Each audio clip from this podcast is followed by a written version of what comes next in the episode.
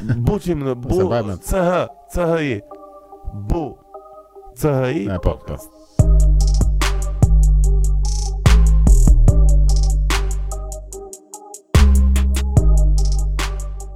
Ok, uh, Altin, po nisim dalëngadalë, ndërkohë që mblidhen të gjithë. Um, Së pari dua që të të falenderoj përzemërsisht për që pranove të bëhesh pjesë e spejsave tanë. Nuk e di, s'të kam dëgjuar ndonjëherë më përpara uh, dhe nuk e di a ke qenë aktiv në këto hapsira. Asnjëherë më përpara, hera e parë në fakt, kështu që uh, jam edhe kurios për të shikuar si funksionon në fakt. Edhe falenderoj që më ftove. Faleminderit ty. A uh, spesat nuk është që kanë ndonjë gjë kështu të jashtëzakonshme, vetë janë një hapësirë që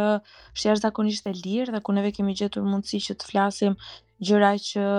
media mainstream, um, le të themi kështu, nuk përpiqet që t'i shmangë ose i trajton shumë sipërfaqësisht. Këtu duke qenë se të gjithë secili prej nesh ka kohën e Perëndisë, e trajton me qetësi edhe gjithashtu uh, ka zakonisht në spesat tanë marrin pjesë uh, njerëz nga profesione dhe backgrounde të ndryshme dhe uh, pse jo edhe bindje të ndryshme ndonjëherë uh, debatet janë të forta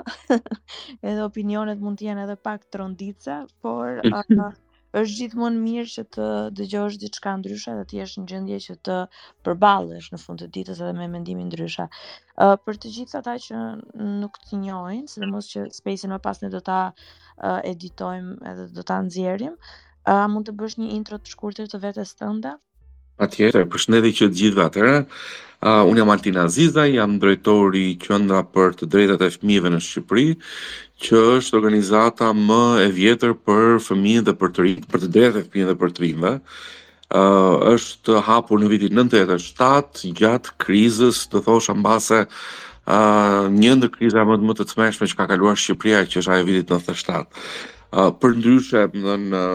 CRCA ose shkurt në gjatë ne themi qendra për fëmijët shkurt është CRCA uh, është një organizatë që pa diskutim ka ka ndikim uh, do thosha në gjitha aspektet kryesore uh, në fushën e të drejtave të të fëmijëve dhe të rinjve Dhe pa diskutim një ndër temat që ne ndjekim me shumë vëmendje është edhe çështja e fëmijëve të pashoqëruar, të humbur, të rrëmbyer apo të zhdukur, domethënë sepse sigurisht janë shumë shumë çështje që që përfshihen. Po në këtë kuadër në fakt ne tashmë bëhet 5 vjet që kemi fokusuar në fakt përpjekjet më të mëdha të organizatës në drejtim të mbrojtjes së fëmijëve nga dhuna seksuale, dhe me fokus të veçantë sigurisht pasaj me dhe mbështetjen me të gjitha shërbimet e këtyre fëmijëve për të kaluar traumën dhe për të rindërtuar jetën e tyre. Të falënderoj, ndërkohë që doja të na bëje një ndarje mes dy terminologjive që the më përpara të rrëmbyer edhe të zhdukur, pasi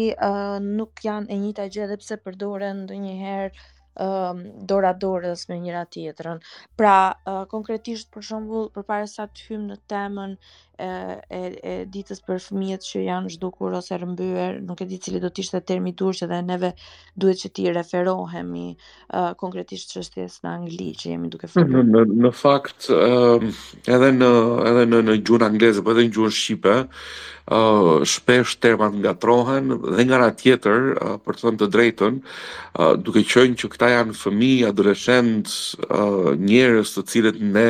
nuk e dimë se çka ka ndodhur në të vërtetë, pa diskutim kemi ndonjëherë edhe një miksim të termave. Uh, ka një term të, të përgjithshëm që që në fakt uh, përdoret dhe që në aspektin le të themi të paktën në nivel ndërkombëtar ka një lloj agreement, një lloj pranueshmërie që uh, mund të jetë një ndër termat që përdoret, që mund të jetë ajo që ne i themi pra fëmijë të humbur. Uh, sepse në fakt këta fëmijë nuk duhet nuk dihet se ku janë, nuk janë pranë familjeve të tyre dhe ajo që që termi i duhur në këtë rast pra uh, mund të jetë fëmijë të humbur. Nga ana tjetër, sigurisht po të lexojmë konventa ndërkombëtare sidomos UN-i për shembull, përdoret termi të zhdukur sepse në fakt nuk dihet çfarë ka ndodhur me këta fëmijë, pra janë fëmijë që le të themi janë të gjallë, kanë vdekur, janë të gjallë dhe po shfrytëzohen, pra ose po ndodh diçka me ta, apo janë fëmijë që ë mund të jenë të kontrabanduar, se e thashë ka shumë fjalë që përdoren, dhe që mbase nga këto kampe që janë larguar pra nga ku mund të jenë zhdukur ose ku kanë humbur një shkak mund të jetë edhe fakti që ata kanë dashur të vijnë në Britani sepse ka një familjar, ka një familje, ka një të afërm që mund të kujdeset për ta. Pra, Uh,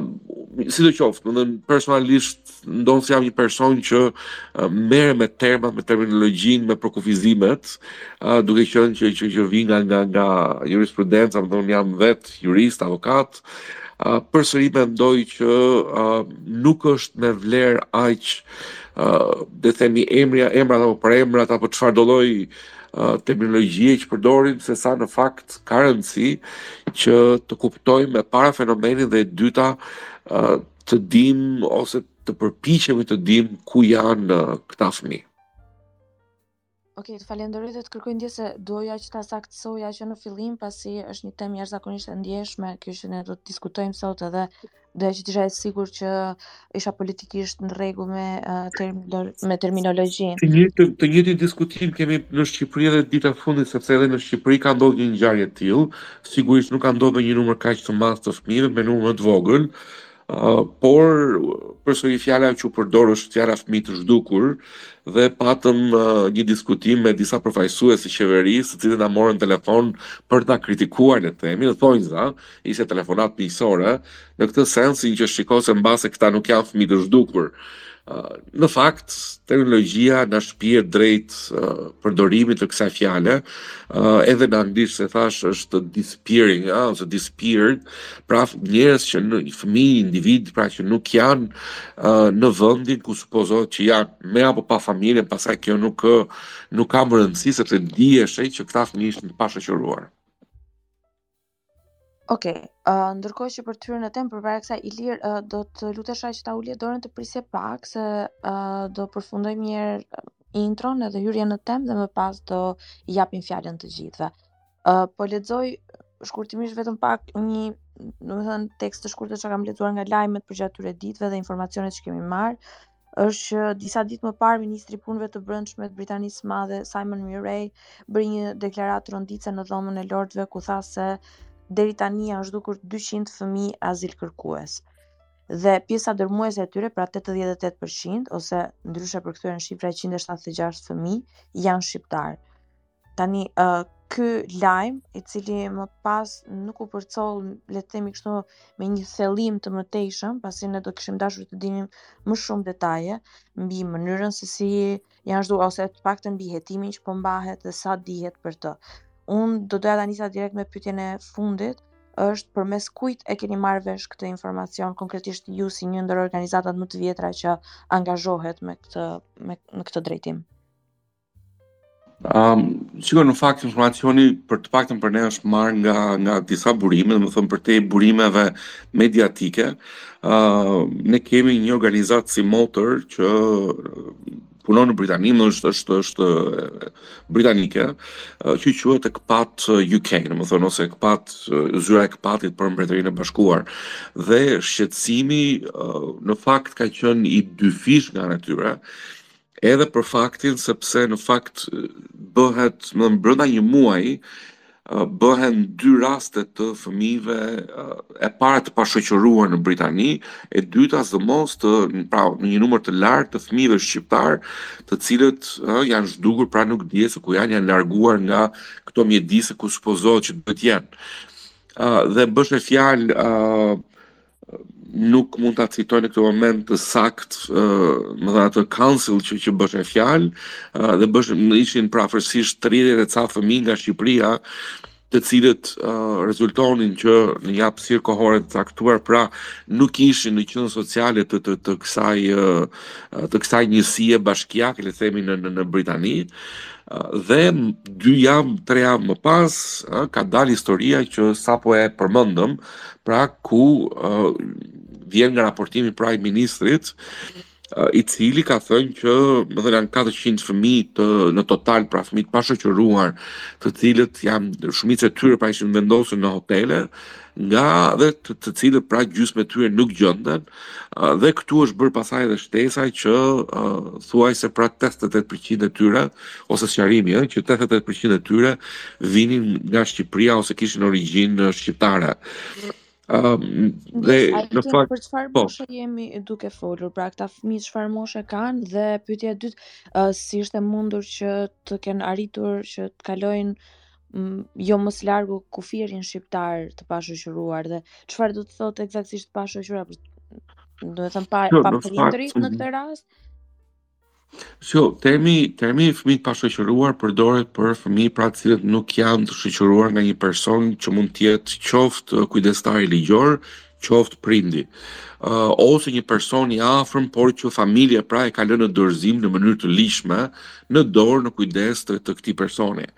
Um,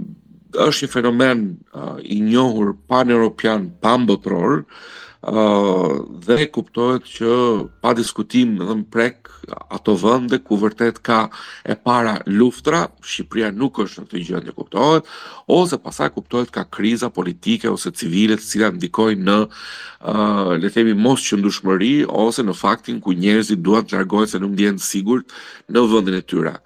Uh, ajo çfarë vlen të theksohet në rastin konkret është që uh, Për sa i përket moshës, në fakt nuk ende nuk janë bërë publike detaje të sakta, pra që kujt moshe i përkasin këta uh, 200 fëmijë në total, ë, pa harruar dhe fëmijët e tjerë të huaj, po 188 nga Shqipëria. ë uh, Pra janë të dhëna që do duhet Ministria e Brendshme britanike dhe autoritetet britanike t'i analizojnë, t'i publikojnë, sepse ka interes publiku në fakt për këtë çështje. Dhe e dyta, pa diskutim ata fëmijë do thotë që pavarësisht se janë në Shqipëri dhe janë nën kujdesin sigurinë apo supozohet ë, që janë nën kujdesin, mbrojtjen e Ministrisë së Brendshme britanike dhe autoritetet britanike, kjo nuk do të thotë që Shqipëria ka humbur le të themi të drejtën uh, për të mos kërkuar informacion apo për të mos u kujdesur për këta fëmijë. Pra, pavarësisht vendosjes së tyre, shteti nga ata vijnë, shteti i origjinës ka uh, po aq të drejta për për uh, dhe përgjegjësi për ta, domethënë, sa ç'ka edhe shteti britanik në rastin konkret. Ë, uh, çfarë shikohet? Më konkretisht ndjesë, më konkretisht ju, mund të na thuash çfarë çfarë është bërë deri tani të paktën nga ana e shtetit shqiptar se ju besoj jeni në dijeni. Asgjë, sa do e thosha. Domethënë përtej përtej diskutimeve do thosha që mbrapa pas dyreve të mbyllura, pra që ka pasur midis autoriteteve shqiptare dhe atyre britanike, në fakt ë edhe nga disa kërkesa paraprake apo dhe edhe raporte në media nuk duket se dikush e ka vënë do thosha dorën në zjarr, domethënë për për fatin e këtyre fëmijëve, të paktën në në anën e Shqipërisë. Uh, ajo çfarë për herë të parë më ka bërë përshtypje është që përtej autoriteteve të cilat unë e kuptoj që mund të jenë të lodhura me me me shumë probleme që ka Shqipëria dhe mbase kjo duket diçka që shikon se është përgjegjësi e shtetit britanik para se të jetë e shtetit shqiptar. ë uh, më bëri përshtypje në fakt edhe neglizhenca e shoqërisë civile në Shqipëri, uh, krahasuar me atë britanike. Pra, sapo dali sapo doli lajmi në Britani, ë uh, mos gaboj brenda 2-3 ditëve, ka pasur një deklaratë nga 100, mbi 100 në fakt organizata britanike, të cilat kanë kërkuar përgjegjësi nga ana autoriteteve britanike, kanë kërkuar gjetjen e këtyre fëmijëve, pra ku janë dhe si është e mundur që ata kanë qenë nën mbrojtjen e autoriteteve britanike dhe ndërkohë janë rrëmbyer, janë përdorur për qëllime nga më të mbrapshtat, siç është deklaruar, dhe ndërkohë shteti britanik ka bërë, ose më saktë, nuk është kujdesur për ta. Ndërkohë që Pra kemi këtë reagim. Për para se të shkosh aty, për shembull, uh, mes nesh, një uh, prej dëgjuesve po më pyeste dhe po më thoshte që po nga e dim ne që për shembull këta nuk mund thjesht të jenë larguar prej atyre qendrave të uh, strehimit që mund të jenë strehimore ose mund të jenë hotele, bujtina, pra dhe të jenë uh, të jenë larguar drejt vendeve të ndryshme ku mund të kenë familjarë që i presin. Domethënë, çfarë nuk nuk nuk çfarë i bën ata të të të zhdukur, po le të themi kështu për vetë. Po sepse askush, shiko, i bën të zhdukur fakti që askush nuk e di se ku janë ata fëmijë. Pra, në qoftë se qeveria britanike, autoritetet britanike dhe kushdo që është përgjegjës për kujdesin e këtyre fëmijëve, sepse janë disa institucione në Britani në fakt që kujdesen, më kryesori kuptohet ka të bëjë me uh, autoritetet që kanë të bëjnë me kufirin dhe pastaj kuptohet me, me, me, me, me azilin e tjerë e tjerë. Çfarë Të bën përshtypje është që ka mungesë të theksuar informacioni dhe mbi të gjitha përtej mungesës së informacionit, autoritetet britanike sot nuk janë në gjendje të japin një përgjigje që po 188 fëmijë shqiptarë kanë hyrë në mënyrë ilegale apo në mënyrë të parregullt në Britani, kanë kërkuar azil ose kanë qenë duke kryer procedurat e azilit, janë vendosur në këto hotele dhe ndërkohë këta fëmijë ë janë larguar, por ndërkohë janë vendosur pranë një nëne, babai, xhaje, teze, s'ka rëndësi ka, pra një të afërmi. Askush nuk është sot në gjendje ta thotë ku janë këta fëmijë. Besoj duhet që t'ju t'ju ju ju t'i t'i referoheni një precedenti, pra ci, pra cila kanë qenë precedentët e mëparshme, uh, a ka pas raste ku janë trafikuar, ku janë vendosur në dijeni autoritetet britanike për raste të fëmijëve që janë trafikuar që janë marrë nga këto bujtina ose qendra strehimore? Shiko, ka ka dy fakte që që e ushqejnë uh, dhe që i japin përgjigje pyetjes suaj. E para, ë uh, të gjitha, domethënë, të paktën nga deklarimet që janë marrë deri tani nga pronarët e hoteleve ose bujtinave, sido që t'i quajmë, ë uh, një pjesë e tyre kanë deklaruar që fëmijët, sidomos fëmijët vajza, a, ka patur raste të rëmbimeve të tyre, a, dhe këto janë të deklaruara, a, ose për fëmijë të tjerë, për shembull ka patur raste që janë marrë, janë, janë përdorur për qëllime, le të themi nga më të ndryshmet, kuptohet të paligjshme, dhe më pas janë kthyer. Tani, a, mundësia çfarë shikojmë neve nga fenomeni afatgjat. Pra në qoftë se bëjmë një analizë të fenomenit në në kohë në kohëzgjat, në kohëzgjatje, pra në në në Britani. Shumica e personave që vijnë nga Shqipëria, daç të rritur, daç uh, fëmijë, përgjithësisht udhëtojnë drejt Britanisë sepse kanë një lidhje familjare ose një lidhje të pretenduar familjare që mbase jo gjithmonë rezulton e suksesshme. Sepse ajo që kemi vënë re në rastin e fëmijëve dhe nuk është raportimi i parë për fëmijë nga Shqipëria që bën ë uh, bëhet në Mbretërinë e Bashkuar, ka të paktën uh, mbi 12 vjet për mos thënë më gjatë që Britania çdo vit bën një raport për sa i përket situatës së kriminalitetit ndër të tjera ku flitet për trafikimin e qenieve njerëzore dhe pjesë e këtij raporti në fakt janë të dhëna që kanë të bëjnë me identifikimin e fëmijëve të pashoqëruar, si dhe të të rriturve për atë qëllim dhe të paktën sipas uh, standardeve ndërkombëtare përkufizimin ndërkombëtar, uh, dyshimet e tyre kanë qenë gjithmonë që nga çfarë do lloj numri dhe përgjithësisht kanë qenë diku tek afërsisht 3000-4000 persona nga Shqipëria që hynin në Britani, kanë qenë minimumi 200 në vit flasim, gjithmonë 200 fëmijë nga Shqipëria që hynin pra dhe kërkonin azil, po vinin në mënyrë të parregullt në në Britani nga të cilët Britania gjithmonë thoshte që ne besojmë që në masën më të madhe, a, pa e llogaritur do thosha me një numër të saktë, por në masën më të madhe, këta fëmijë janë viktima të trafikimit apo të shfrytëzimit, vetëm një pjesë e vogël e tyre janë të kontrabanduar, pra uh, kalojnë kufirin, vinë në Britani sepse kanë një familjar që i pret. Pra pjesa më e madhe e këtyre fëmijëve vinë uh, të mashtruar, do thosha, ose të gënjyer Duke menduar që do të gjejnë një jetë më të mirë në Britani, do të gjejnë një punë, do të gjejnë një shkollë më të mirë, ndërkohë që në fakt autoritetet britanike thonë që me fakte shumica e vajzave përfundojnë në prostitucion dhe të cilat më pas merren pastaj në mbrojtje nga autoritetet britanike, një pjesë e tyre janë të kthyer në Shqipëri, kur mbushin moshën 18 vjeç, ndërkohë që kanë gjetur dhe vazhdojnë të raportojnë raste të fëmijëve djem, të cilët mbahen në skllavëri, a në një vend për shembull, mos gaboj kanë qenë në një lavazh rreth 20 djem shqiptarë të vegjël, ëh, fëmijë të vegjël, nuk ishin adoleshentë, të cilët përdoreshin nga pronari i lavazhit që ishte po shqiptar për të larë makinat dhe ndërkohë përtej premtimeve do i paguante, do i bënte, i mbante në një mjedis të vetëm që të gjithë Ju jepte një një një ushqim sa për t'i mbajtur gjallë dhe asgjë tjetër, as rrogë, as pagesë, as kujdes, as shkolla nuk bëhet fjalë. Domethënë, ë uh, çfarë vlen të diskutohet, them është fakti që uh, krimi organizuar shqipfolës në Britani, pra ka ndërtuar, të paktën në bindjen tonë, uh, ka ndërtuar rrugë dhe ka gjetur rrugë pra të evidentimit të këtyre fëmijëve që në Shqipëri,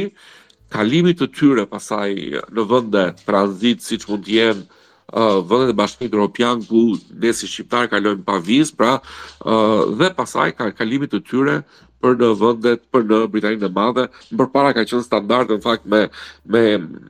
me mauna, pra me makinat e mëdhaja, uh, transportit, ndërsa tani ka kaluar me këto gomonet që uh,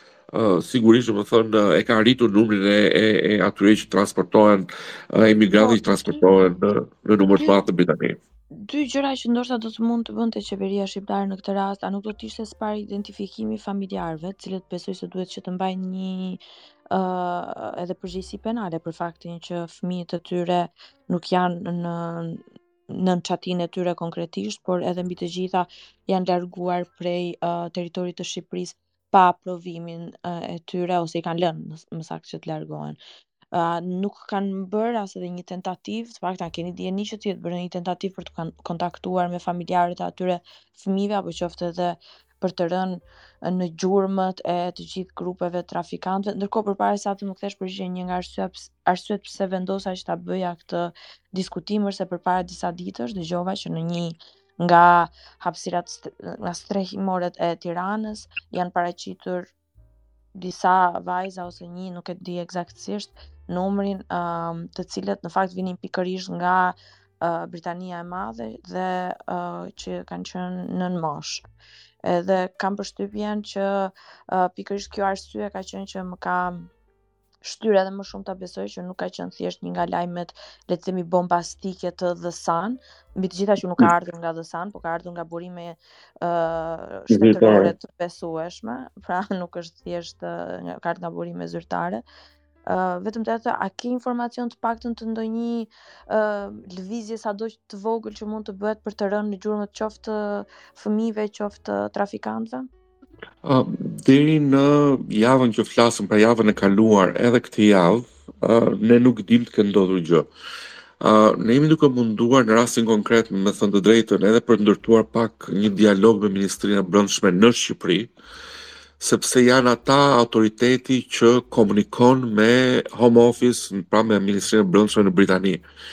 Uh, deri tani nga të dyja shtetet, dhe kjo duhet thënë pra, edhe në Shqipëri, edhe në Britani, nuk ka as edhe një lloj informacioni publik pra kush janë këta fëmijë, nga vijnë, cila është mosha e tyre dhe sigurisht pastaj qoftë edhe një uh, hamendësim domethënë që sa prej tyre mbase mund të kenë patur familjarë në Britani që mund të krijojë një lloj garancie që shiko uh, nga këta 188 nuk janë që të gjithë 188 që po trafikohen apo po shfrytëzohen për qëllime seksuale apo për sklavëri për punë të zezë e të tjerë por janë një pjesë e tyre mund të jenë të integruar dhe mund të jenë duke ndjekur mbase shkollën në në në Britani. Domethënë askush nuk e di këtë gjë. Dhe është kjo lloj, do thosha, mungesë informacioni dhe mungesë informacioni nga ana e autoriteteve të të dyja krahëve, a, nuk është të them e mirë, që na bën të ngjallë dyshime, por nga ana tjetër, unë besoj që në nivelin e komunikimit midis të dy ministrive, mbase ka uh, informacion të klasifikuar që ata janë duke diskutuar me njëri-tjetrin, por që nuk janë gati ta ndajnë me, le të themi, publikun e gjerë, qoftë dhe ne si organizata. Uh, ambasada shqiptare në Britani në rastin konkret nuk ka reaguar, gjë që edhe kjo bën përshtypje, apo qoftë edhe ambasada britanike në Tiranë për atë punë që përgjithësisht ata janë më aktive dhe edhe uh, le të themi sigurisht kanë një një sens edhe kritik për sa i përket fenomeneve të tilla, duke mos harruar faktin që Britania investon në Shqipëri fonde të mëdha për luftën kundër trafikimit të qenieve njerëzore. Kështu që ka shumë dilema për momentin, ë uh, të cilat unë shpresoj që të paktën në uh, javën e ardhshme ose në javët në vazhdim uh, të kemi pak më shumë informacion, ë uh, ose pastaj sigurisht është detyra jonë si organizata joqeveritare, po dhe si individë, njerëz të angazhuar aktivistë që të kërkojmë informacion dhe kërkojmë llogari çfarë ndodh me këta fëmijë dhe jo vetëm me këta, sepse është raportuar vetëm për vitin e fundit, ndërkohë që Britania ka një një një fluks të emigrantëve shqiptarë të ligjshëm paligjshëm prej prej prej prej shumë vitesh tashmë, kështu që nuk bëhet fjalë vetëm për për kaq fëmijë. Ëm, uh, jashtëzakonisht e trishtë, e gjithë kjo që po më thua, po të paktën një gjë pozitive që mund të dalë, mund të bësh një thirje, ndoshta publike edhe aktivistëve dhe shqiptarëve janë shumë shqiptarë të cilët jetojnë në Britaninë e Madhe si munden që të, të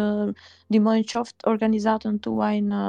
iniciativën që keni ndërmarrë qoftë edhe uh, mbi të gjitha shtetin shqiptar uh, për të kthyer pas uh, dhe për t'i vendosur sërish pranë familjeve uh, këta fëmijë. Kjo pa diskutim, me thënë, unë un mund t'i bëj jo thjesht një thirrje, po një një ftesë çdo shqiptari, po kujdo në Britani për atë punë, se nuk është një çështje uh, shqiptare ose e fëmijëve shqiptarë, uh, por çdo personi në Britani uh, që e para të kërkojë llogari nga nga gjëja më e thjeshtë deputeti i uh, qytetit ose i zonës uh, suaj uh, sepse kuptohet që çështja ka vajtë në Parlamentin Britanik, aty ka patur diskutime dhe vazhdon edhe të ketë diskutime në Parlamentin Britanik për sa i përket kësaj çështje. Uh, e dyta përtej deputetëve kjo mund të jetë një mundësi shumë e mirë për të çuar pra uh, këto këto diskutime çdo person që jeton në Britani ka të drejtën të të, të bëjë një një mocion ose një peticion ë për sa i përket fatit të këtyre fëmijëve pra në Britani. Si për në parlament pra mund ta bëjë këtë peticion, ashtu edhe ndaj qeverisë. Çfarë duhet të ndodhë dhe kjo mund të jetë e treta, është që ministrja e brendshme, e cila, me thënë, unë nuk e di në qoftë se e bëri gabimisht deklaratën, apo e, e bëri me të vërtetë, po tha që na kanë pushtuar shqiptarët, uh, mendoj që përpara asaj deklarate duhet të dalë të japë llogari Pse këta fëmijë dhe shumë të tjerë ë janë zhdukur, kanë humbur, nuk dihet ku janë. Pra ajo duhet të japë llogari për këtë gjë, sepse është ajo zyrtarja përgjegjëse dhe më mirë se mund ta bëjnë qytetarët e thjeshtë, më mirë se mund ta bëjë parlamenti britanik këtë çështje. Ë nuk mendoj se se se ka mund ta bëjë kush tjetër. Nga ana tjetër, siç thashë, shoqëria civile britanike ka reaguar, ë ndaj e kam një ftesë për për gjithë bashkatdhetarët në Britani. Bëjini presion qeverisë shqiptare se në qoftë se në Britani uh, sapo doli fakti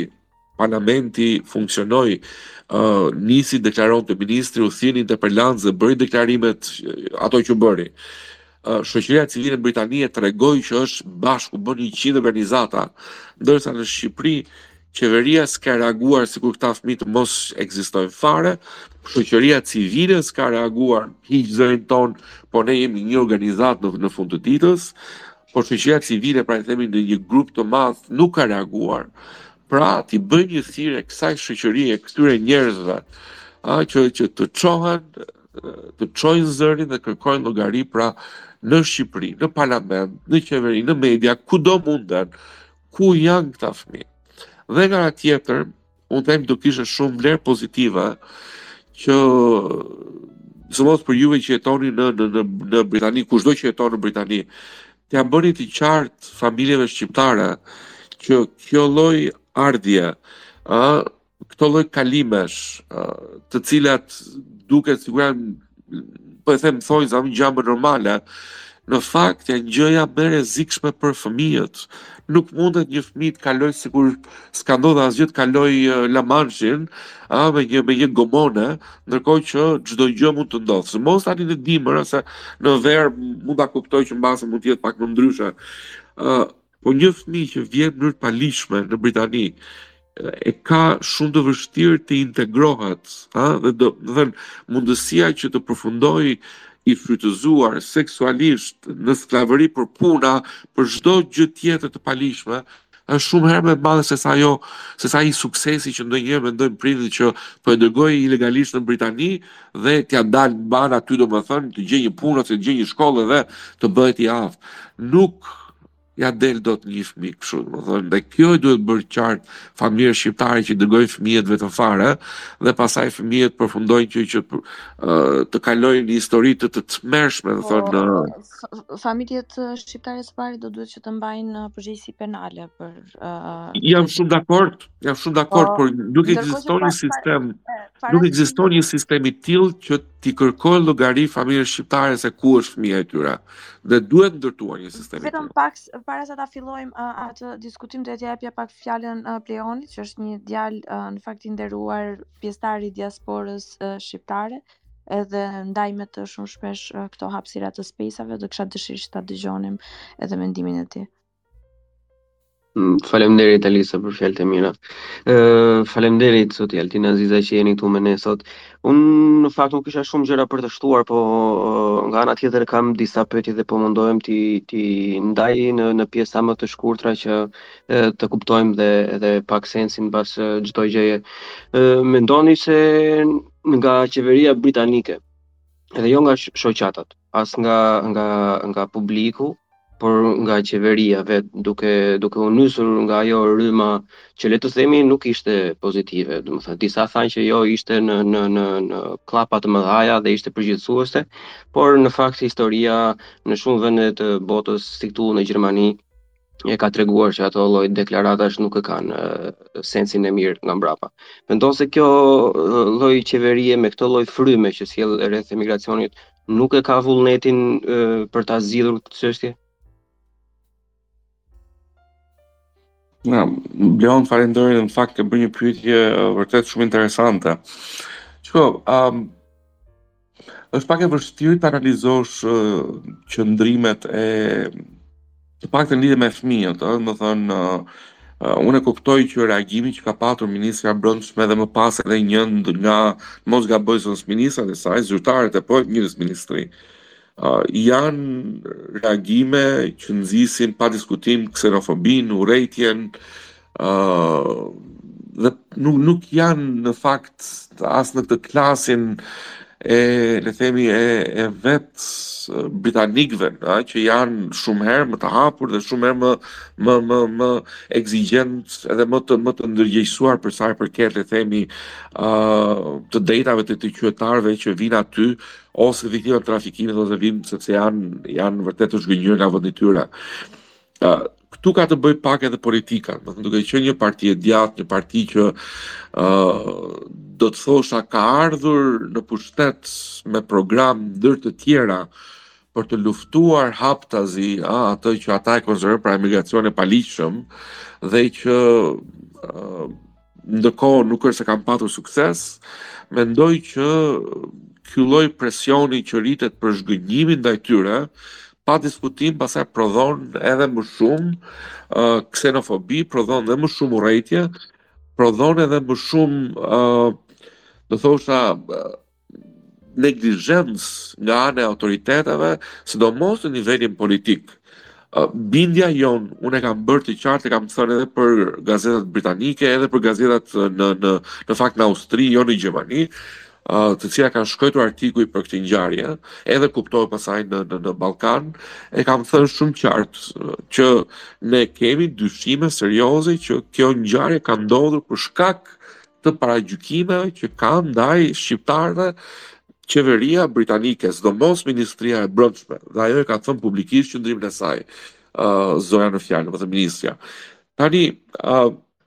unë do desha të të të besoja që ajo është vetëm një person dhe nuk përfaqëson të gjithë qëndrimin e britanikëve ose qëndrimin e Britanisë. Sidoqoftë, uh, Jemi përpara një realiteti shumë të hidhur, kështu që nuk nuk do më bënte surprizë, më beso Bleon që kjo gjë, pra kjo humbje, ky moskujdes, kjo neglizhencë e autoriteteve, të jetë e lidhur edhe me faktin që uh, këta janë shqiptarë, uh, vijnë këtu me mijëra, s'na bëhet vonë, ça do të ndodhë me ta, nuk janë britanikë, edhe Hajde. Uh, ka shumë autoritete në fakt që janë kur lodhen nga uh, qenia në qeverisje, uh, e humbasin sensin e, e njerëzillëkut pasaj, ose të detyrimeve që kanë për kundrejt qytetarëve, nuk ka rëndësi kush është origjina e tyre, sepse këto edhe detyrime ligjore në fund të ditës, pra nuk janë thjesht detyrime morale që ata i kanë për kundrejt fëmijëve. pasi ju e keni edhe një background ose prapaskenë juridike, do të bëja pyetjen në qoftë se ky problem nuk zgjidhet ose në qoftë se këta fëmijë nuk gjinden ose në qoftë se ne e konstatojmë këtë mungesën e vullnetit edhe vazhdon në përjetësi larg qoftë kjo zhdukja e fëmijëve, a ka ndonjë mënyrë ligjore, me ligj kombëtar, ndërkombëtar apo nuk e di që mund të kërkohet mund mund të shtrohet ose një lloj procesi që mund të ngrihet kundër edhe vetë Mbretërisë së Bashkuar për këtë punë. Pa diskutim, uh, domethënë, uh, ka një sërë mjetesh në dispozicion uh, të cilat mund të përdoren në nivel ndërkombëtar dhe jam i sigurt që do të përdoren uh, për këta fëmijë. Ajo që Unë shikoj me shqetësim këtu është që përgjithsisht do thosha komuniteti shqiptar nuk është i organizuar në mënyrë të tillë që t'i përdorë të përdorë për aksesin që jepet për organizatat qeveritare në le të themi organiz në në OKB, ëh dhe OKB ka dy zyra kryesore që që mund të ndiqen çështje të tilla, është ajo në New York, është edhe ajo në Gjenevë Në fakt zyra e Gjenevës është më më afër dhe kujdeset më shumë për fëmijët. ë uh, Kini parasysh që të gjitha shtetet, sidomos shtetet demokratike si Britania, raportojnë një herë në 4 ose në 5 vjet në një sër institucionesh të OKB-së, në lidhje me gjëndjen e të drejtave të fmive, të të drejtave të grave, apo edhe për sa i përket për shembull çështjes së azilantëve, gjendjes së tyre e të tjerë. Ëm uh, dhe po ashtu që mos dhe këtu mund të kishte një reagim nga ana e, do thosha e komunitetit shqiptar në Britani për shembull, është dhe fakti që ka po brenda zyrës së Kombeve të Bashkuara pra OKB-s ka dy raporterë specialë që quhen, njëri ka të bëjë me uh, atë që konsiderohet pra uh, përdorimi i fëmijëve për sa i përket uh, në shfrytëzim seksual, uh, trafikim e të tjerë etj etj dhe një tjetër ka të bëjë me atë që konsiderohet zhdukja e pashpjegueshme është për të gjithë njerëzit, pra nuk është vetëm për fëmijët, po që pa diskutim rasti konkret i plotëson këto kritere pra të të të të të, të, të zhdukjes së këtyre fëmijëve. Dhe rekomandimi im do të ishte që në fakt shoqatat uh, atdhetare, shoqatat që komuniteti shqiptar ka në në, në Britani të vijnë në kontakt me këto uh, me këto institucione, uh, unë i kam kontaktet e tyre, mund t'ia vë dikujt në, në dispozicion ose disave, kush mund të jetë interesuar, uh, në mënyrë që të bëjnë ankesa në emër të kuptohet komunitetit ose shoqatës, uh, një shoq, një apo disa shoqatave, s'është vetëm një, që janë në Britani të regjistruara dhe që kanë të drejtë pa diskutim të ankohen. me me përfundimin e këtij space ne do flasim sërish bashkë në privat dhe do kisha shumë qejf që të t'i merrja t'i shpërndanim bashkë me kohostin edhe të tjerë këtu miq tanë të cilët janë të interesuar për këtë çështje. Ndërkohë doja t'ia jepja pak fjalën Ilirit, i cili dhe ai është një shqiptar. Alita, më më po, falni se kam, më fal, kam edhe diçka, ditë edhe një një pyetje tjetër shumë të vogël, më fal Ilir, sepse do ta hapim edhe bisedën për gjithë. E, e ne dimë që fëmijët janë edhe një çik me me me imagjinatë më më të zhdërvjellët, sa më të rinj të jenë, domethënë edhe mendoj se uh, mund t'i shkojë uh, dikujt nga këto fëmijë të humbur ose të zhdukur ose të rrëmbyer mendja që të bëjë të ndërmarrë diçka edhe vetë për t'i shpëtuar një situate që është kundër dëshirës tyre. Ka mundësi që këta fëmijë të kontaktojnë direkt autoritetet shqiptare dhe nga Anglia dhe në qoftë se ka cilat janë? Po, pa diskutim që ka, uh, do të ishte në fakt një lajm i mirë sikur uh, këta fëmijë të kontaktojnë dhe nuk është të thënë të kontaktojnë as autoritetet në Shqipëri, uh, ata fëmijë mund të kontaktojnë pa diskutim zyrën tonë, në qoftë se shkojnë në faqen e organizatës sonë, mjafton të shtypësh crca.al, menjëherë siç hapet faqja, hapet edhe një chat i cili është tërësisht anonim, sigurisht në qoftë se do, do që ti mos jesh anonim është e drejta juaj pastaj, e kujdo. Dhe aty mund të lihen kontakte, mund të lihen mesazhe dhe ne mund t'i ndajmë ato edhe me familjet e këtyre fëmijëve, sepse mbase ata nuk duan që të vendosin kontakt me autoritetet britanike për shkak të frikës se ndalimit e tjera e tjera, po të paktën ta dimë që këta fëmijë janë gjallë, janë mirë dhe që dikush është duke u kujdesur për ta. Kështu që unë them që Mbase në këto detyrat që po thoshim çfarë mund t'i kërkojmë uh, komunitetit shqiptar në Britani në rastin konkret, mund të jetë dhe fakti që në qoftë se din një fëmijë që ka qenë te kjo te ky le të themi grupi i 188 fëmijëve ose një fëmijë që është deklaruar i humbur, por që në fakt nuk është i humbur, e ftoj të kontaktojë me neve menjëherë. Domethënë, uh, i kemi të gjitha mjetet e duhura që t'i asistojnë fëmijët dhe t'i japim çdo mbështetje që i duhet dhënë atyre fëmijëve dhe familjeve. Domethënë, është është ide shumë e mirë dhe të falenderoj që të vajti në mendje, Bleon. Faleminderit Altin. Uh, Ndërkohë po ja jap fjalën Ilirit, i cili uh, vetë jeton në Britaninë e Madhe, në mos u gabofsha. Po, po, e vërtetë. Mirëmbrëma, më dëgjoni? Po, të dëgjojmë. Po, po, jetoj, jetoj në Angli për shumë vite. Altin, mirëmbrëma, uh, tani po jap mendimin tim për këtë temë. Pasi kam një eksperiencë, kam një eksperiencë goxha të gjatë me me shoqatat uh, joqeveritare në Angli, gati më tepër se 10 vjeçare.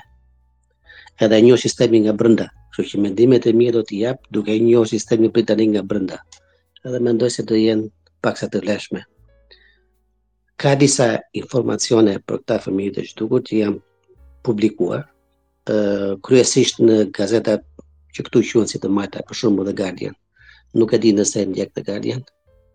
Edhe disa nga informacionet që janë janë dhënë për shumë që janë bërë publike është se rreth 13 fëmijë janë janë nën moshën 16 vjeç, edhe një është vajzë, është femër. Nuk dihet, domethënë, kanë pranuar publikisht që nuk e dinë ku ndodhen këta fëmijë. Edhe arsyeja pse nuk e di, domethënë, është e vërtetë që nuk e dinë, që ti ngrite një pyetje shumë legjitime kur po flisje që si ka mundësi që a kuptojnë në këtë shumë shoqata në Angli, dhe është konsideruar një turp kombëtar dhe është një turp kombëtar. Po përgjigja e tyre është shumë e ministrisë të Home Office, ministrisë së brendshme këtu shumë, a kupton shumë më qetë dhe që shiko se ne vërtet nuk e dimë, nuk e kemi idenë fare se ku ndodhen këta fëmijë që kanë ikur. Tani arsyet pse fëmijët, a kupton trafikohen dhe unë mendoj se fjala trafikohet është goxha, trafiku i fëmijëve është, a kupton, është është një fjalë e durë, domethënë duhet ta thuash ashtu siç është trafik. Këtu në Angli përdoret shumë edhe, nuk e di se ke dëgjuar termin skllavëria moderne. Ëm, uh, edhe mendoj se edhe kjo është një faktor i kësaj. Domethënë, ato janë paksa komplekse me fëmijët shqiptarë. Domethënë, ka që janë të trafikuar në grupe kriminale, as nuk diskutohet, sidomos ne kemi dëgjua për ato shpitë e barit e me radhë, ato që këta njerëz, këta fëmijë, domethënë, adoleshentë, ato trafikohen në Angli për t'u marrë me atë punë, se është shumë e lehtë edhe dënimi është ato shumë i ulët, se meqë meqë janë nën moshë. Domethënë qëllimisht trafikohen për këtë gjë, meqë janë nën moshë. Ka të tjerë mendoj se një shumicë shumë shumë e konsideroj që a kupton vijnë në Angli marrin ato rreziqe që ti përshkrove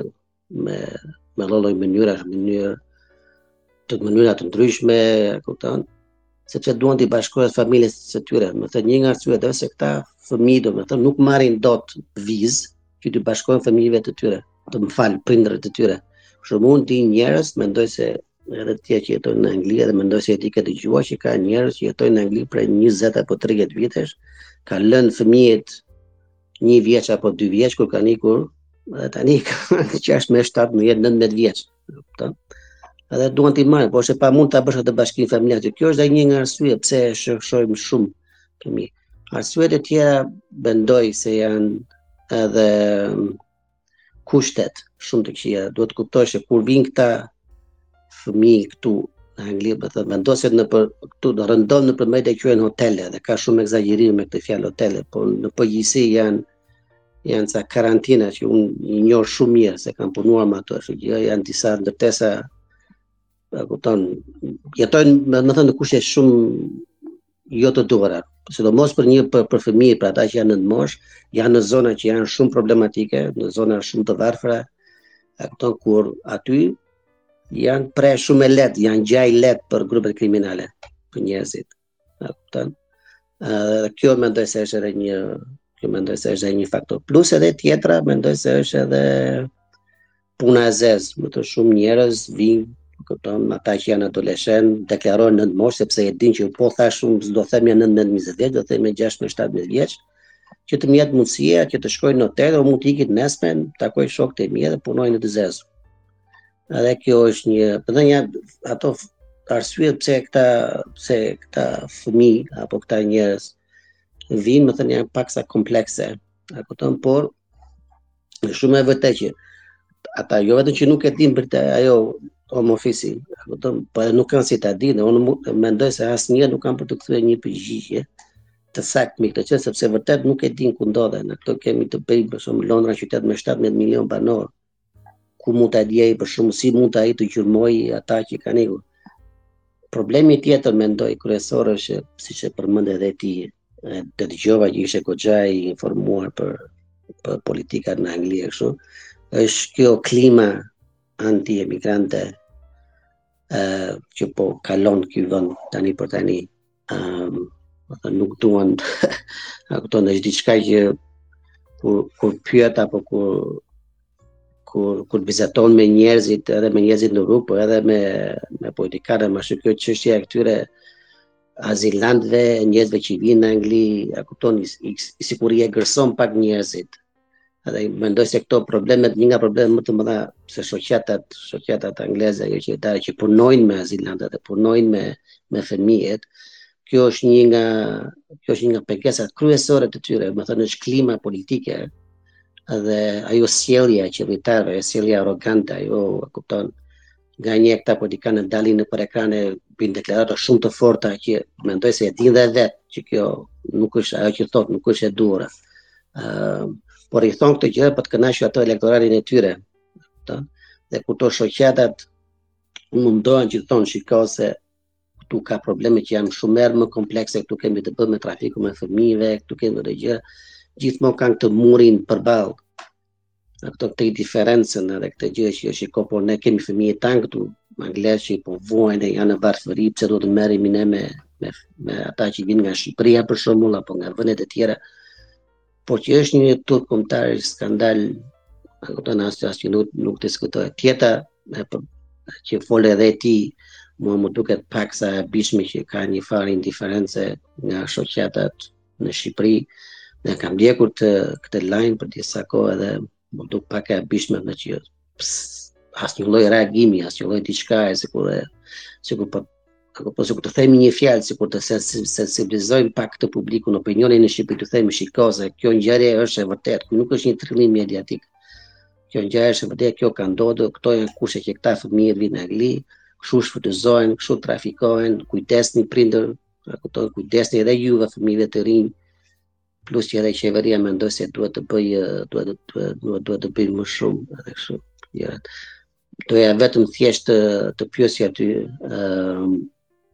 atë ë si e mendon ti nga ana jote? A do të a do të vazhdojë kjo gjendje? A do të ketë më shumë ë uh, raste të tilla? I dhe të falënderoj, uh, të falënderoj edhe në fakt edhe për, për të gjithë, do thosha, këtë informacion që ndave, sepse është shumë i rëndësishëm, um, dhe besoj e plotëson këtë historinë e shqetësimit që ne po ndajmë uh, së bashku. Shiko, për sa i përket pyetjes, uh, unë mendoj që për aq kohë sa uh, Kushtet në Shqipëri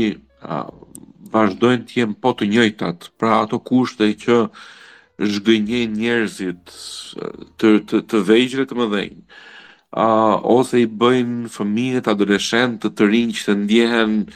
jo rehat në vendin e tyre, në qytetin e tyre, në në shtetin e tyre, A, unë mendoj që ky ky lloj do thosha lumi që rrjedh midis Shqipërisë edhe edhe Britanisë, pra ky lumi njerëzor do vazhdojë akoma të të vijë. Mbase jo me të njëjtat ritme, sepse tashmë janë ndërtuar disa autoritete të reja në në Britani që që kanë për qëllim të të luftojnë në mënyrë tipike këto ë, uh, domethënë uh, gomonet, uh, Pra unë mendoj që mund të ketë një ulje të, të, të numrit, por nga ana tjetër nuk do më surprizonte fakti që do vazhdojë ajo ardhja e migrantëve gjithmonë me uh, makina me trailers, domethënë me makina të mëdhaja, me me mauna, uh, siç ka siç ka ndodhur përpara. Në fakt, ambasadori britanik përpara, mos gaboj, dy javësh e diçka e tillë tha që Britania do e bëjë më të lehtë, le të themi, kalimin e ligjshëm të shqiptarëve në në Britani, pra që nuk ka nevojë të të të marrin gomonet njerëzit, të të, të vrasin veten apo të humbasin jetën për të ardhur në Britani ose për t'u bashkuar me familjen. Ah, gjë që unë e mendoj se mund të ndodhë, por nuk mendoj se do ndodhë aq shpejt, pra nuk do e zgjidhte, nuk do të ishte kjo ajo valvula e zgjidhjes. Britania ka një sistem shumë arkaik të dhe shumë rigid, domethënë të ë uh, e the dhe vetë, domethënë të të të uh, ardhjes së njerëzve në mënyrë të ligjshme, qoftë edhe për punë. Britania po përballet me një krizë ku nuk ka njerëz që të krahasuar me vendet e punës në dispozicion Uh, domethënë mos gaboj e fundit që kam lexuar diçka ka qenë diç, janë 1.5 milion vende pune të pazëna në Britani. Pa, pa, pa. Po, po. A, dhe nga ana tjetër është absurditeti që ty të vinë njerëz në mënyrë ilegale Dhe t'i vendos po vazhdoj të përdor fjalën hotele, po jam shumë dakord që që uh, ato mund të mos jenë fare hotele, po mund të jenë një Zot e di se çfarë. ë uh, dhe nga ana tjetër nuk intervistohen këta njerëz për t'i pyetur në qoftë se kanë një profesion, në qoftë se janë të aftë të bëjnë një punë dhe të punësohen aty ku ka vende pune të lira,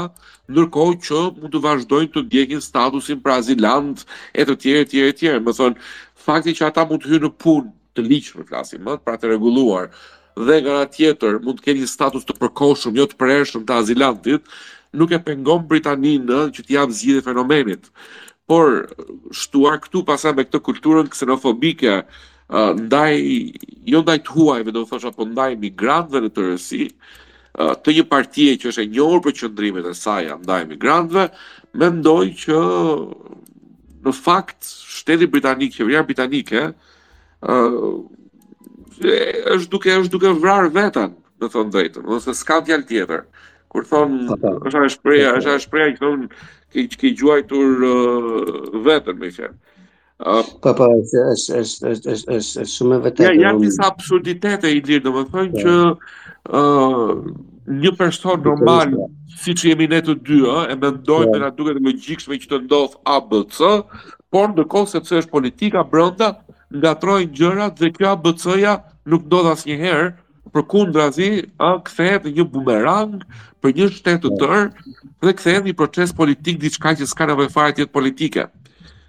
Dhe kjo ka ndodhur po në Britani. Që unë un po bëhem pak si provokat, provokativ tani, edhe pjesa e mendimit tim, domethënë është që kjo është e qëllishme, është politike, domethënë kultura kundra emigrantëve është politike dhe është e qëllishme, domethënë këta po marrim rastin e fëmijëve. Na kupton, këta fëmijë qëllimisht strehohen në në në zona shumë të varfra, me kriminalitet shumë të lartë, E kupton? Në në kushte shumë të këqija,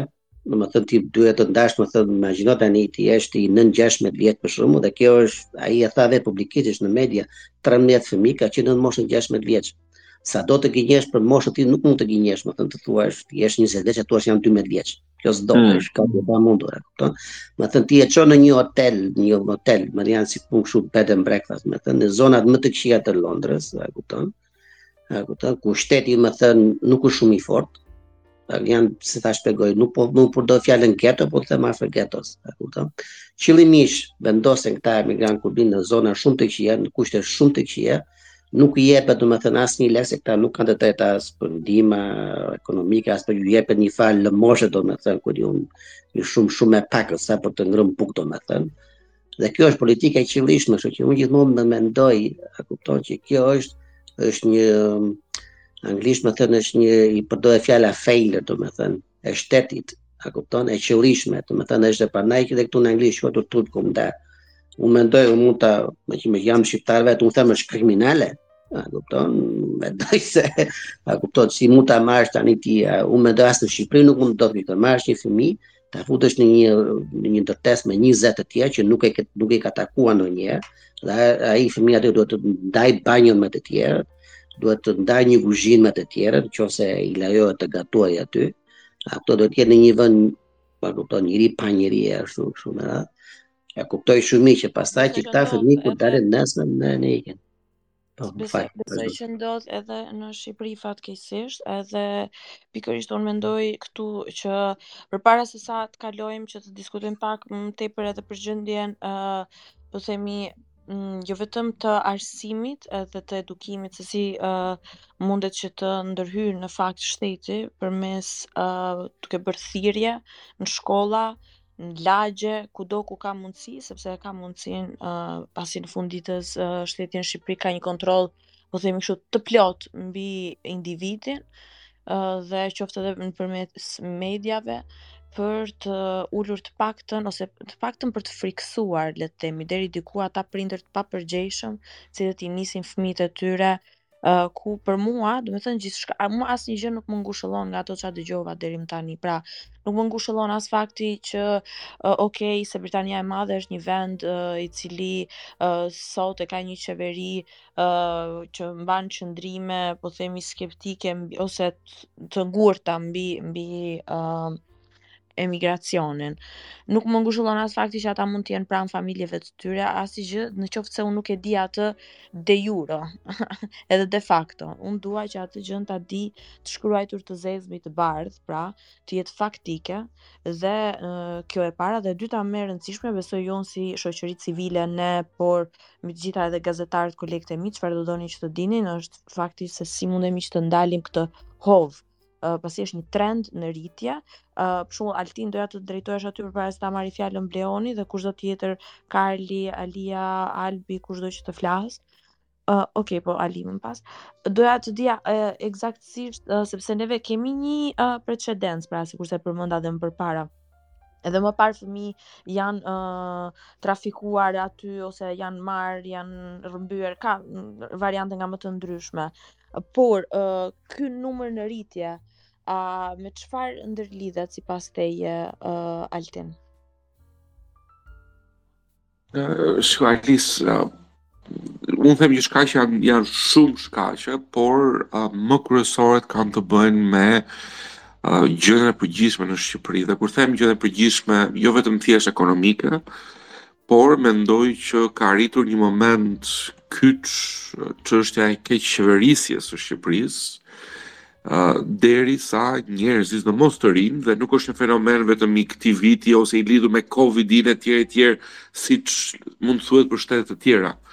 Në Shqipëri ka të paktën 8 vjet që të gjitha statistikat, matjet statistikore që ne kemi bërë si zyrë, zyra të tjera e kanë bërë prej vitesh gjithashtu, tregojnë që të rinjtë nuk kanë asnjë lloj shprese për të qëndruar në Shqipëri dhe bëhet fjalë për një shifër 70 deri në 80% të të rinjve në Shqipëri. Ë që do thotë në qoftë se ne si të rritur, a, kemi një punë, kemi një jetë, kemi një shtëpi që do thotë nuk kemi këtë presionin e hyrjes në jetë, pra fillimit të të le të themi të të, të krijimit të të familjeve tona të gjitha gjërave, për të rinjt, presioni social, presioni shoqëror, presioni për një punë më të mirë, për të ardhura më të mira e të tjerë është kaq i madh, ndërkohë që nuk i gjejnë në, në realitet, a? ti sot si i ri nuk gjen punë ose në qoftë se gjen punë është një punë e cila paguhet keq, e cila paguhet në të zezë, pra jo sa do duheshe të paguheshe apo është e padeklaruar ose nuk të paguhen sigurimet shoqërore shëndetësore. Pra, uh, askush nuk të ofron një jetë, punësim të denjë dhe një vend i cili nuk të jep dinjitet dhe nuk të lejon të jetosh me dinjitet, pa diskutim, ë kthehet në një vend ku dhe kjo sigurisht e kombinuar pastaj me faktin që Ti nuk ke një qeverisje të mirë demokratike të hapur që njerëzit jo vetëm thjesht të shprehen, por të kenë mundësi që të ndikojnë në vendimmarrje, të ndikojnë se ku shpenzohen lekët dhe ato lekë janë lekët tona, nuk janë lekët as të kryeministrit dhe as ministrave të tij, do të thotë që njerëzit pra nuk kanë më shpresë që ky vend do ndryshojë, që ky vend të jep dinjitet dhe e shikojnë si zgjidhje pra krijimin e një jete, fillimin e një jete pra diku tjetër, qoftë në Gjermani, që ka shumë të rinj nga Shqipëria që kanë vajtur në Gjermani, qoftë pastaj edhe akoma në mënyrë edhe më të rrezikshme, ë, me marr të marrësh pra një gomone që të arrish në Britani, të jetosh në kamp dhe të shpresosh që një ditë të bukur do të japin status azilanti dhe do fillosh uh, do gjesh një punë do di do filloj do fillosh një jetë më të mirë domethënë.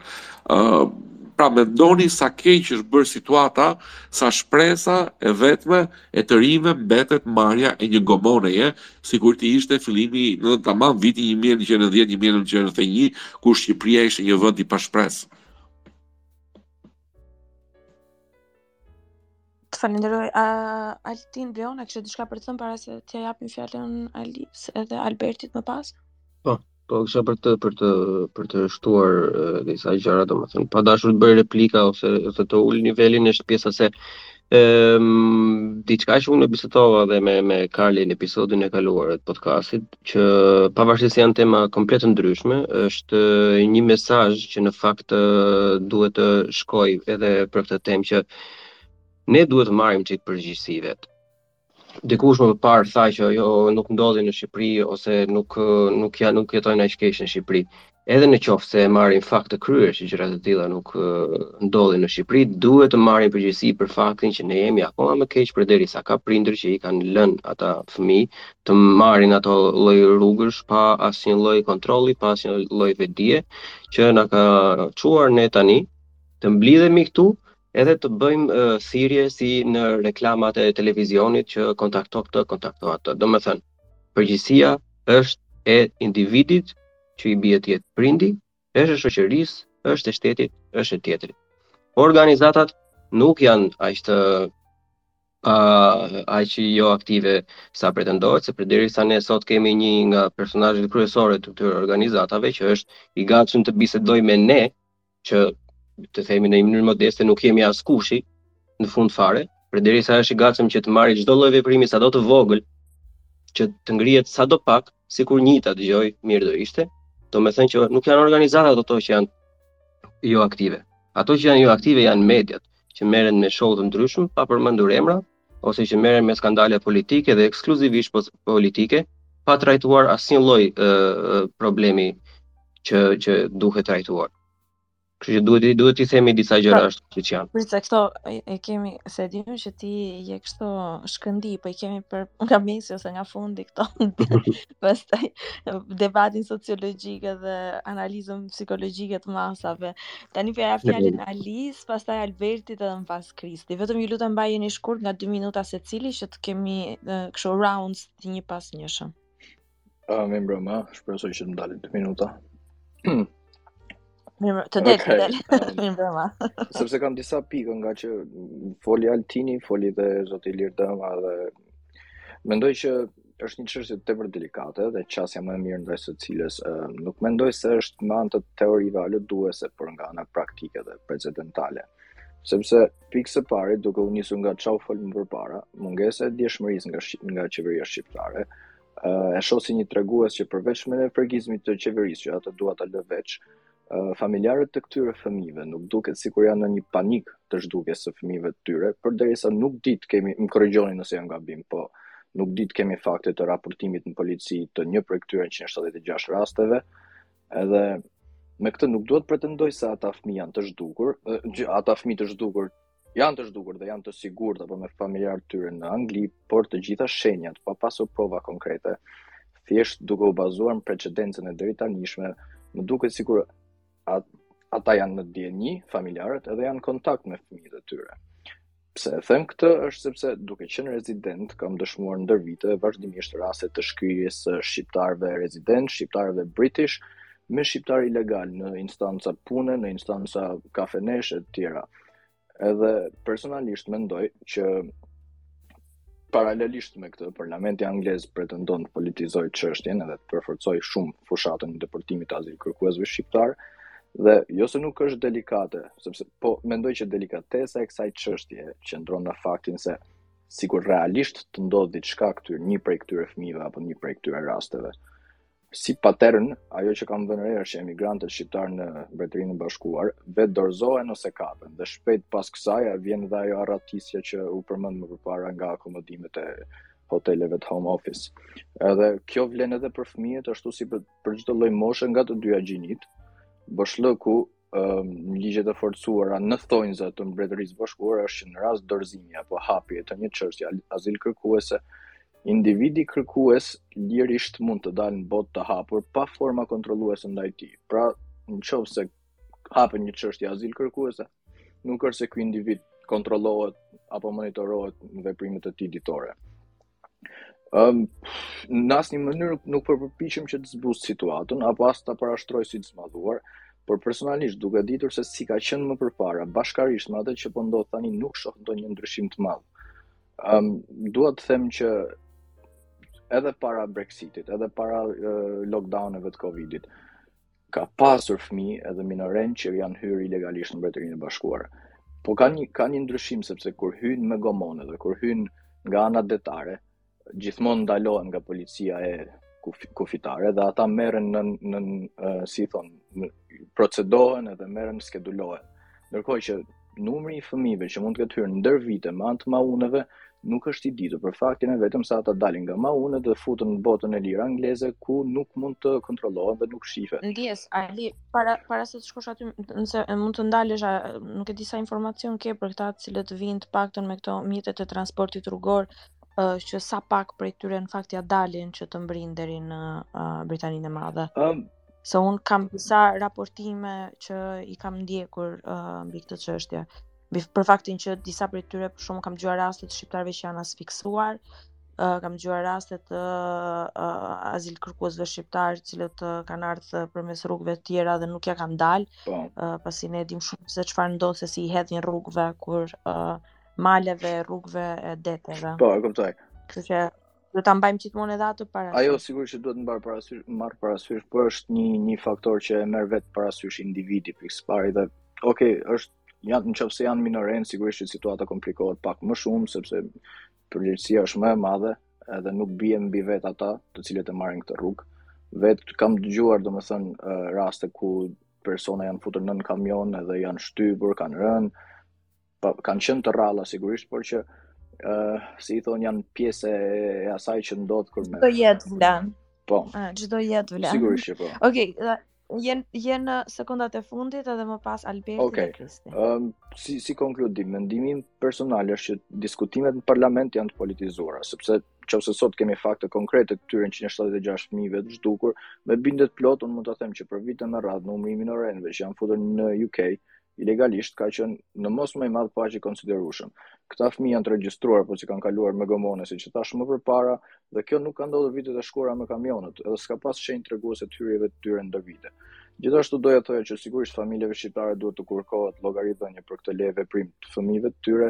por është edhe pak çështje subjektive, sepse duhet të marrim parasysh që në mos jo në Tiranë apo në qytete të mëdha, në zona rurale, një fëmijë 16-17 vjeç shihet si furnizues i familjes me një burrëri të parakohshme ku kanë përgjegjësi për të mbajtur familjen dhe është shumë herë më e lehtë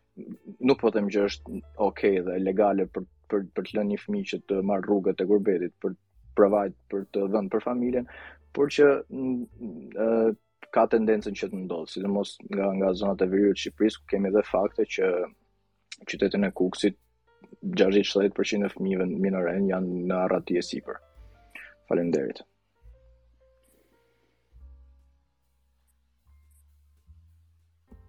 Albert,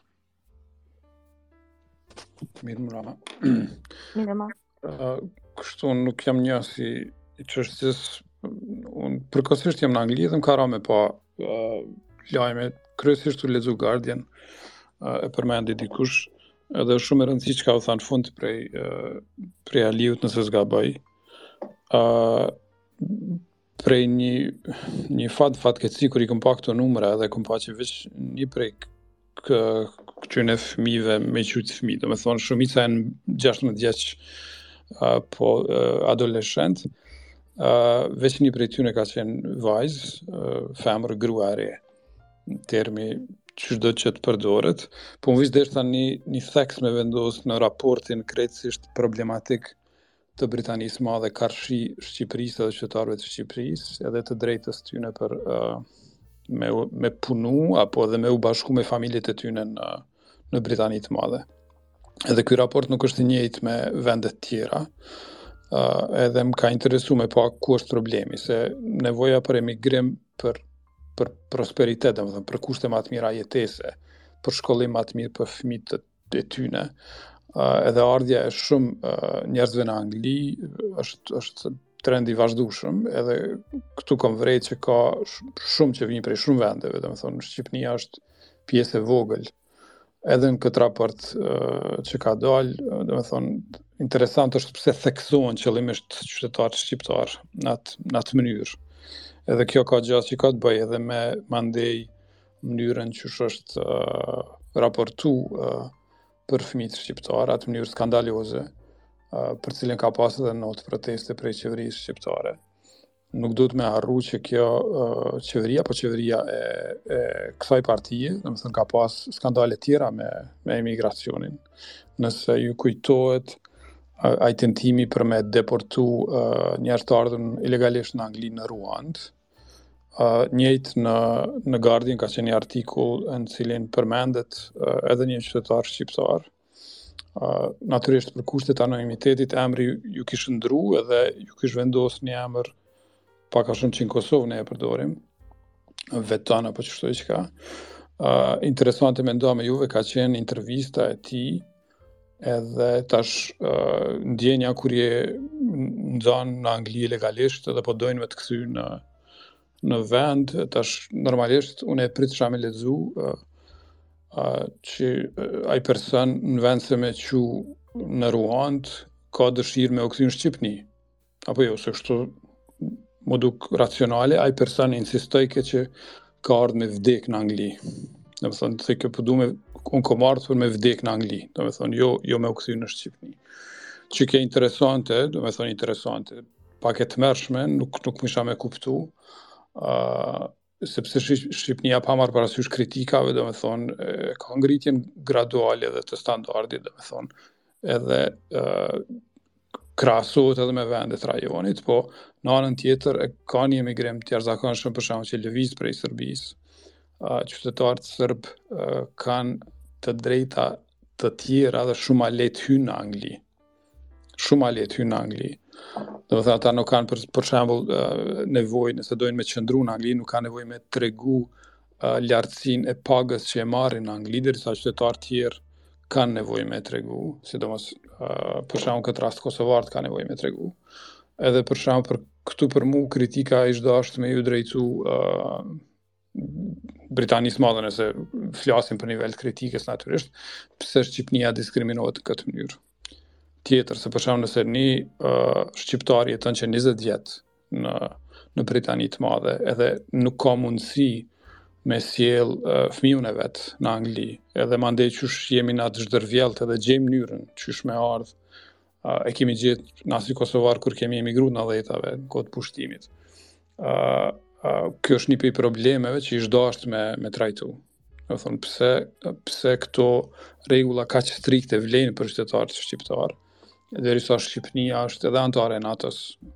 edhe është në proces të uh, të bashkimit evropian, edhe uh, domethënë nuk është që të dy qeveritë kanë raporte të tensionume, sa, sa me u trajtu në këtë mënyrë qytetarët shqiptarë. Përndryshe, mandej kish qenë krejt lehtë. E tash, unë un kam pytje, nuk di a ka dikush që mundet me jep informata. Nihmen ka ndodhë nëntëdhetat, për shembull, unë kam pasë anëtarë t'familjes që kanë ardhë këtu, për nevoja, për me siguru mbijetesën për familje. uh, mbrapa, domethënë, ose në Shqipni, ose në Kosovë, edhe ata zakonisht prezentohen me emra të rrejshëm.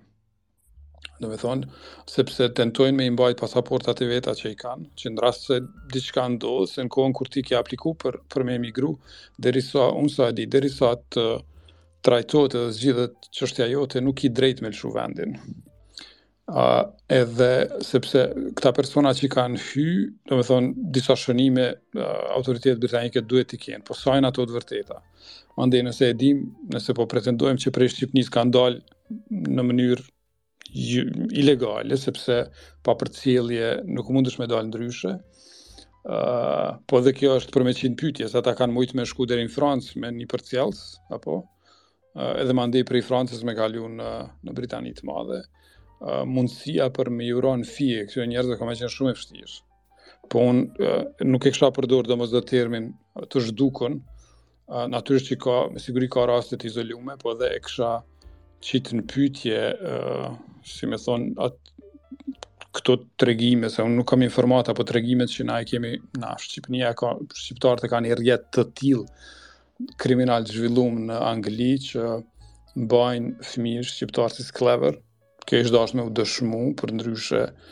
është është e, uh, e, e thon mm. Albert, nëse mundem që të të përgjigjem për mm, pjesën e fëmijëve të zhdukur, ë uh, dhe pas po po, po ja jap fjalën të tjerëve. unë nuk e kam. Po patjetër, nuk kam informata veç tu tu po. tentu me lexu për shembull aty përmendet në një artikull missing, domethënë missing and to. Po se se ti nuk në fillim kur e kemi po. hap uh, space-in me Altinin edhe e kemi sqaruar po. këtë po, po, pjesë pak a shumë. Uh, arsyeja domethënë uh, të zhdukur ne e përdorim uh, në sidomos në Shqipëri më shumë se sa uh, për shembull këtu për uh, është ky termi të pagjetur që përdoret në Kosovë për për shembull për personat. Po, po të pagjetur është për personat të zhdukur gjatë luftës kryesisht. Po pra, po, tani këta konsideruar... Humbun na thojmë për shembull, kur ka hupë një njeri dhe s'e dim ku ka shku, po, exact, na e përdorim të humbur. Edhe, po. edhe rasti i fëmijve, pasi uh, ka po. dy gjëra, domethënë, uh, edhe pse, jo të, edhe tek të pagjeturit uh, në Kosovë, ka disa prej tyre që nuk janë denoncuar për vite të tëra prej familjarëve, kupton? Pra, uh, dhe Altini po, mund të na sqarojë pak më mirë, po. sepse unë uh, pak u interesova ndërkohë që po e përgatisja uh, temën sot të Space-it, edhe mora vesh në fakt që uh, kërkon një kohë goxha të gjatë, jo të gjithë familjarët reagojnë menjëherë, sidomos në rastet e zhdukjes ose humbjeve që ndodh të fëmijëve apo familjarëve mm -hmm. të azilkërkuesve apo të emigrantëve. Po. Ju referova disa shifrave në pak në fakt të mëhershme dhe studimeve që ishin bërë, korrigjomë Altin nëse e kam gabim. Pra jo gjithmonë është ajo si me thënë 48 orëshi që kanë Shtetet e Bashkuara të Amerikës që pas asaj të konsiderojnë automatikisht në kërkim, e kupton? Po. Ë uh, kishte raste për shembull të disa emigrantëve uh, fëmijë në fakt uh, palestinezë, të cilët uh, për vite me radhë janë konsideruar askush nuk i ka denoncuar ata, e megjithatë mm -hmm. më pas fati i tyre qe i tmerrshëm, po, po unë po. uroj që kjo mos të jetë rasti i këtyre uh, fëmijëve. Po patjetër, po këtu më shkoi mendja. Ne kemi pas për shembull një numër të kosovarëve që janë fundos në në Otranto gjatë tentimit me dal në Itali dhe nuk janë gjetë kurrë. Tash un prap prej këtyre numrave po shpresoj që ata njerëz së paku janë janë të gjallë apo jo. Po në anën tjetër ë presioni ish dashtë definitivisht qeverisë britanike sepse ajo i ka pas nën mbikëqyrje. Kuptoj, domethënë këta të të, të adoleshent, jo të rritun. Ajo qeveri ka pas nën mbikëqyrje, pa marrë parasysh në çfarë zona i dërgon. Përgjegjësia po, për jetën e tyre. Ke të po. drejtë, po mendoj që më shumë presion se sa mund t'i bëj qeveria. Qeveria uh, jo, po qeveria shqiptare, po, pra, po natyrisht. se uh, këtë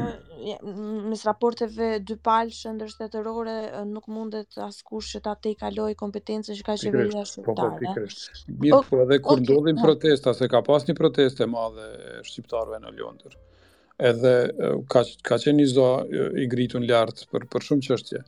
Uh, Po, që u përmend dhe ma herët, domethonë, për nevoja të emigrimit krejt rajoni pak a shumë është duke u, jo duke u zbrazë, por shumë të ri po e shohin këtë rrugë, por nuk kisha thonë që secili, domethonë, se shë, edhe Shqipnia dhe Kosova dhe vendet tjera, ende kanë shumë njerëz që e vazhdojnë jetën atje, po një pjesë e tyne... Fatkeqësisht edhe shohin, Kosova është duke është, shkuar drejt të njëjtit po, trend, nuk e po, po dhe e ke të dëgjuar se që është duke ndodhur përgjatë muajve fundit. Po e diskutojmë po. një herë tjetër se do doja t'ia jepim po. fjalën. Më falni, uh, veç deshta diçka po. mendova me juve që kam pa. Uh, thanks. Uh, I rikthehemi sërish edhe ta jap fjalën uh, sërish Albert, po ia jap fjalën Krisit dhe më pas Karlit. Edhe Altin, kurdo që ke dëshirë që të ndërhysh, ose uh, ndihu i lirë, domethënë, është debat, kështu që mund ta hapësh mikrofonin dhe të ndërhysh kur duash, ose ke një buton të vogël aty, që është një si zemër me një plus ku çohet dora. Se Altin e kemi brand new për herë të parë. jo, do të ta them, po do të kemi parasysh që Altini sot është edhe kryeqendra e diskutimit, kështu që mund edhe të flasësh pa ngritur dorën sepse e, duam s'duam ne domethënë je personi që ka më shumë prapaskenë në këtë temë, kështu që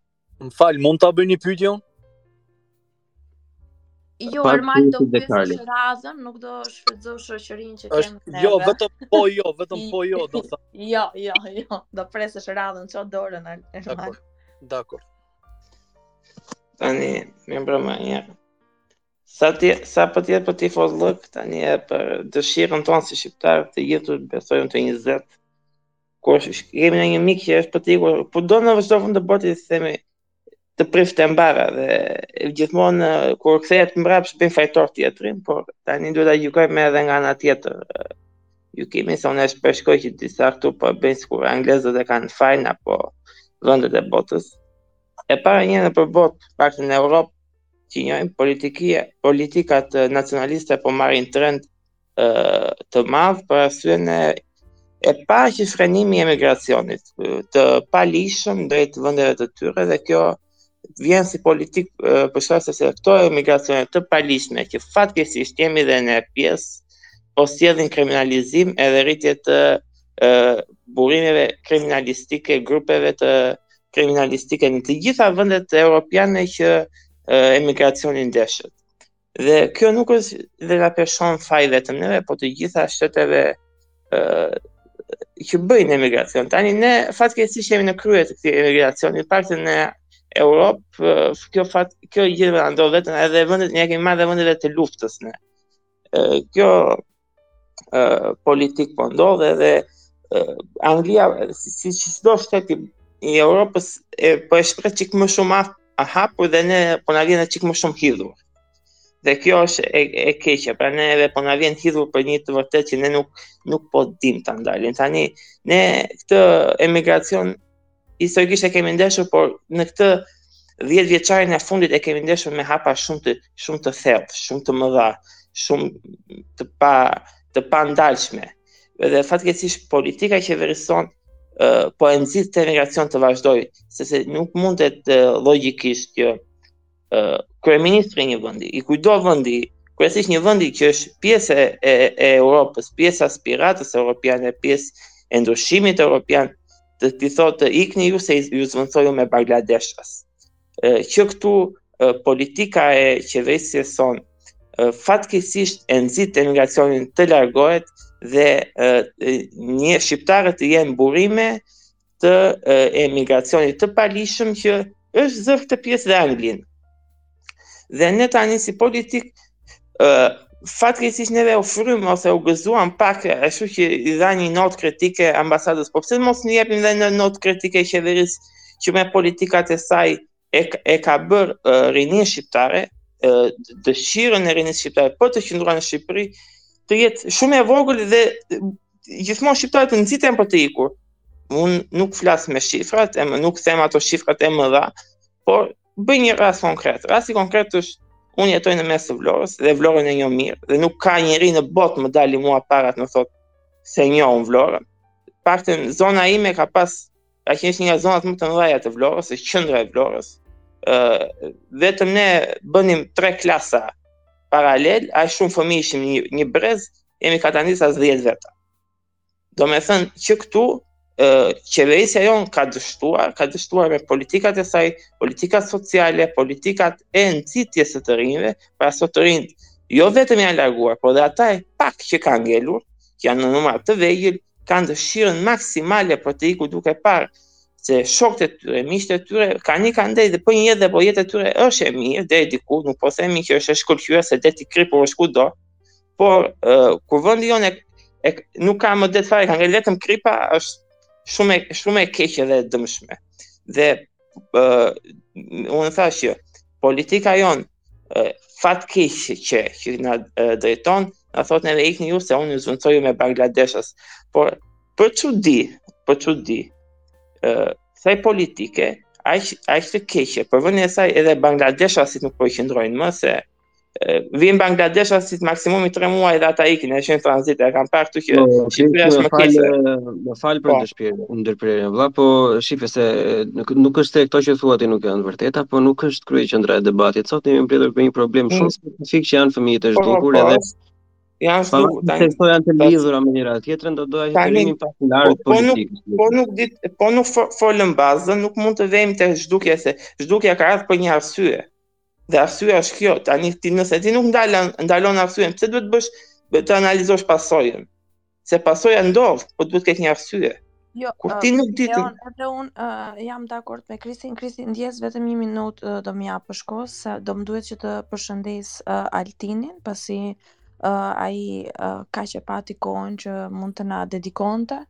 Uh, Altin, uh, të falenderoj përzemërsisht ishe me ne, po të lëmë të lirë që ne vetë mund të kërcasim debatin këtu. Uh, të falenderoj shumë për uh, kontributin e jashtëzakonshëm që ke dhënë Unë të kam ndjekur prej vitesh dhe punën që bën me aq pasion në Tiranë. Edhe shpresoj të shihemi së shpejti kur të vij nga Prishtina. Të uroj gjithë të mirat, të falenderoj. Me kënaqësi të falenderoj dhe falenderoj të gjithë që u bënë pjesë e këtij grupi. Shumë interesante by the way, kështu që uh, ju vazhdojeni debatin, po pastaj sigurisht që unë mendoj që mund të ketë çështje të tjera që mund të diskutojmë, kështu që e vazhdojmë në një herë tjetër debatin po ashtu. Shumë faleminderit.